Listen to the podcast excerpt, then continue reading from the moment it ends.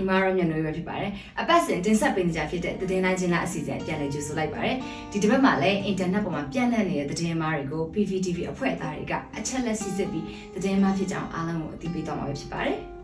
ဒီဘက်ပြပြပေးသွားမယ်သတင်းမှာအကြောင်းအရာတွေကတော့ကုလသမဂ္ဂမှာမြန်မာနိုင်ငံကိုစားပြုတန်တမန်ရွေးချယ်မှာနဲ့ပတ်သက်ပြီးလိုရာဆွဲရေးသားဖော်ပြနေကြတဲ့သတင်းမှာအကြောင်း NUG အစိုးရအဖွဲ့ဝန်ကြီးတွေနဲ့အလူငွေကောက်ခံပေးနေတဲ့သူတွေကိုဖမ်းဆီးဖို့ထိုင်းနိုင်ငံဝန်ကြီးချုပ်ကအမိန့်ပေးလိုက်တဲ့ဆိုပြီးဖြန့်နေတဲ့သတင်းမှာအကြောင်းအရာနဲ့အခြားဒေသတွေမှာဖြစ်ခဲ့တဲ့ဖြစ်စဉ်တွေရဲ့ဗီဒီယိုအဟောင်းတွေကိုအသုံးပြုပြီးတော့ချင်းပြည်နယ်လုံလဲရွာကိုလေရင်နဲ့ဘုံကျဲတယ်ဆိုတဲ့သတင်းအမှားအပါအဝင်မိုက်တဲတာဝါတိုင်းကိုစောင့်ကြပ်နေတဲ့အကြမ်းဖက်စစ်တပ်ပိုင်တင်ကားကို CDF ကလက်နက်ကြီးနဲ့ဖျက်ဆီးခဲ့တယ်ဆိုတဲ့သတင်းအမှားအကြောင်းအရာတွေပဲဖြစ်ပါတယ်။ အရင်ဆုံးပြပြပေးချင်တဲ့သတင်းအမှားအကြောင်းအရာကတော့ကုလသမဂ္ဂအစည်းအဝေးစတင်လိုက်တဲ့အချိန်မှာပဲမြန်မာနိုင်ငံကိုစားပြုကုလတန်တမန်ရွေးချယ်မှာနဲ့ပတ်သက်ပြီးလိုရာဆွဲပြီးရေးသားထားတဲ့အချက်လက်အမှားတွေနဲ့သတင်းအမှားတွေပြန့်နှံ့လာတဲ့အကြောင်းအရာပဲဖြစ်ပါတယ်။အကြမ်းဖက်စစ်ကောင်စီအားပေးထောက်ခံတဲ့အကောင့်တွေကရေးနေကြတဲ့ကုလသမဂ္ဂမှာဦးကျော်မှုထွန်းကို NUG ကိုစားပြုဖြစ်တက်ရောက်ခွင့်ပြုတော့ဘူးဆိုတာမျိုးတွေအပြင်စစ်ကောင်စီဘက်က90ရာခိုင်နှုန်းအနိုင်ရနေပြီဆိုတာတွေကအချက်အလက်မဟုတ်တဲ့လိုရာဆွဲရေးသားဖော်ပြနေတဲ့သတင်းအမှားအကြောင်းအရာတွေပဲဖြစ်ပါတယ်။ American နိုင်ငံခြားရေးမူဝါဒမဂ္ဂဇင်း Foreign Policy ရဲ့ရေးသားဖော်ပြချက်အရစစ်ကောင်စီဘက်ကတင်သွင်းထားတဲ့ကိုယ်စားလှယ်ကိုလက်ရှိကျင်းပနေတဲ့ညီလာခံကိုတက်ရောက်ခွင့်မပေးဖို့သဘောတူညီခဲ့တယ်လို့ပဲရေးသားဖော်ပြခဲ့တာဖြစ်ပါတယ်။ကုလသမဂ္ဂအထွေထွေညီလာခံရဲ့စီမင်းတွေအရသက်ဆိုင်ရာနိုင်ငံတွေကိုကိုစားပြုတက်ရောက်ခွင့်အတွက်အငင်းပွားမှုရှိခဲ့ရင်ပြဿနာပြည်လဲတဲ့အချိန်အထိလက်ရှိနိုင်ငံကိုစားပြုကိုယ်စားလှယ်ဖြစ်သူကိုပဲဆက်လက်ထားရှိရမှာဖြစ်ပါတယ်။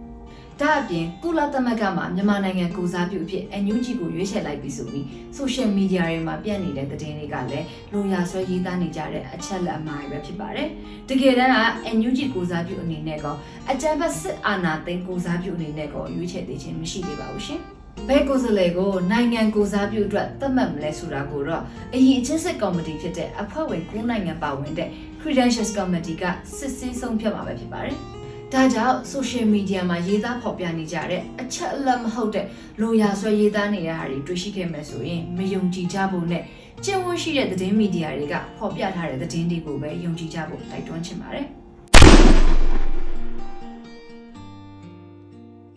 နောက်ထပ်ပြောပြပေးခြင်းတဲ့သတင်းမှာကတော့ NUG အစိုးရအဖွဲ့ဝန်ကြီးတွေနဲ့အလူငွေကောက်ခံပေးနေတဲ့သူတွေကိုဖမ်းဆီးဖို့ထိုင်းနိုင်ငံဝန်ကြီးချုပ်ကအမိန့်ပေးလိုက်တဲ့ဆိုပြီးပြက်နေတဲ့သတင်းမှာအကြောင်းပါပဲဖြစ်ပါတယ်။ အဲ့ဒီသတင်းမှားထဲမှာရေးသားထားတာကတော့ထိုင်းနိုင်ငံအတွင်းပုံခုနေသော NUG အဖွဲ့ဝင်များကိုလိုက်လံရှာဖွေဖမ်းဆီးသွားမည်ဟုထိုင်းဝန်ကြီးချုပ်ပရာယွတ်ချန်အိုချာကကတိကဝတ်ပြုခဲ့ကြောင်း NUG ကိုအားပေးအားမြောက်ပြုလုပ်သူများကုညီထောက်ပံ့သူများကိုပါဖော်ထုတ်ဖမ်းဆီးသွားမည်နာဆာကအနေနဲ့လည်းနိုင်ငံတကာရဲတပ်ဖွဲ့ Interpol နဲ့ချိတ်ဆက်ပြီး NUG အကြမ်းဖက်အဖွဲ့ဝင်များ ငွေကြေးကူညီထောက်ပံ့သူများနဲ့ပတ်သက်၍သတင်းအချက်အလက်များဖလှယ်ကဖမ်းဆီးအရေးယူမှုများစတင်ရန်စီစဉ်နေပြီဖြစ်ကြောင်း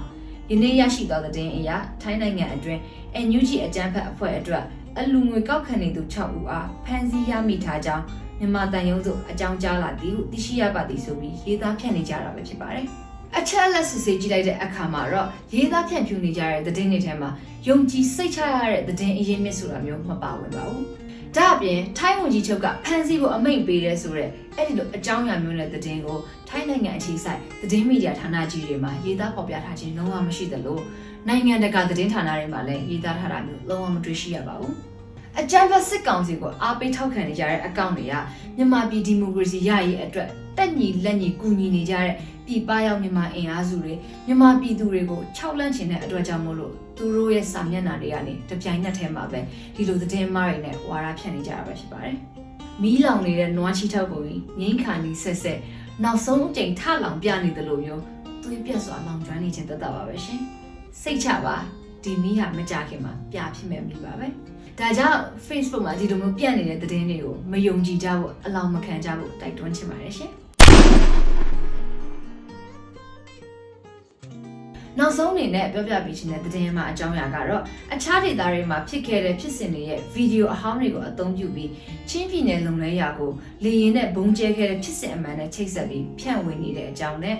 မိုက်တဲတာဝါတိုင်းကိုစောင့်ကြက်နေတဲ့အကြမ်းဖက်စစ်တပ်ပိုင်းတင်ကားကို CDF ကလက်နက်ကြီးနဲ့ဖျက်ဆီးခဲ့တယ်ဆိုတဲ့ဗီဒီယိုသတင်းအမှာအကြောင်းအရာတွေပဲဖြစ်ပါတယ်။အိန္ဒိယနယ်စပ်ချင်းပြည်နယ်လုံလွဲရာကိုအကြမ်းဖက်စစ်တပ်ကလေရင်နဲ့ဘုံကျဲတယ်ဆိုတာမျိုးရေးသားပြီးဖြန့်နေတဲ့ဗီဒီယိုတစ်ခုဟာအင်တာနက်ပေါ်မှာပြန့်နှံ့ခဲ့ပါတယ်။ အဲ့ဒီဗီဒီယိုကိုအချက်လက်စစ်ဆေးကြည့်လိုက်တဲ့အခါမှာတော့အဲ့ဒီဗီဒီယိုကအရင်ကတည်းကအင်တာနက်ပေါ်မှာပြန့်နှံ့နေခဲ့တဲ့ဗီဒီယိုကလစ်တစ်ခုဖြစ်ပြီးတော့ချင်းပြည်နယ်လုံလွဲရာဖြစ်စဉ်နဲ့သက်ဆိုင်ခြင်းမရှိတဲ့ဗီဒီယိုတစ်ခုဖြစ်ကြောင်းအတည်ပြုစစ်ဆေးနိုင်ခဲ့ပါတယ်။ Yanda search engine နဲ့ရှာဖွေလိုက်တဲ့အခါမှာတော့အဲ့ဒီဗီဒီယိုပဲမတူညီတဲ့ခေါင်းစဉ်အမျိုးမျိုးနဲ့လွန်ခဲ့တဲ့2019ခုနှစ်ကတည်းကအင်တာနက်ပေါ်မှာပြန့်နှံ့ခဲ့တာပဲဖြစ်ပါတယ်။ ဗီဒီယိုရဲ့မူရင်းအရင်းမြစ်ကတော့တရုတ်နိုင်ငံကရိုက်ကူးခဲ့တဲ့ရုပ်ရှင်တစ်ခုတည်းကဇဝင်ခံတစ်ခုပဲဖြစ်တာကိုစစ်ဆေးတွေ့ရှိရပါတယ်ရှင်။အိန္ဒိယနယ်စပ်ချင်းပြည်နယ်လုံလဲရွာကိုအကြမ်းဖက်စစ်တပ်ကစက်တင်ဘာ10ရက်နေ့ကလေယာဉ်နဲ့ဘုံကျဲတိုက်ခိုက်ခဲ့တဲ့ဖြစ်စဉ်ကအမှန်ဖြစ်တယ်ဆိုတာကိုဒေတာတွင်းမီဒီယာတစ်ခုကဖော်ပြထားခဲ့ပါတယ်။လေရင်နဲ့ဘုံကျဲခဲ့တဲ့ဖြစ်စဉ်ကမှန်ကန်ပေမဲ့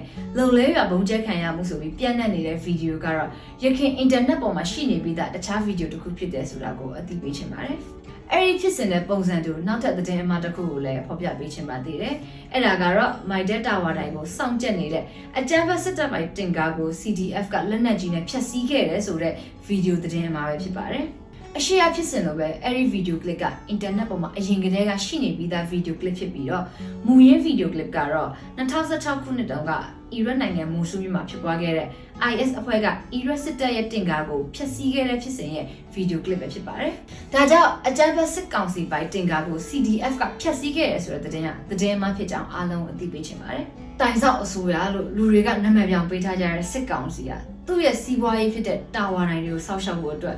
သူ့အတွက်တန်ဖိုးကြီးလာတဲ့တတ်မဲ့တန်ချက်ကကားတွေကိုအဆုံးရှုံးခံမဲ့အစားတန်ဖိုးနှိပ်စည်းပေါ်လာတဲ့ခြေလက်ကလေးတွေအသက်ကလေးတွေကိုယူနီဖောင်းတစ်ပတ်နံအောက်မှာထည့်ထားကြရတဲ့အောက်ခြေစစ်သားတွေကိုပဲအဆုံးရှုံးခံမှာပေါ့ရှင်ဟွန်းငါတက်မယ်ဆိုရင်တော့ရင်နာစရာဖြစ်ပါ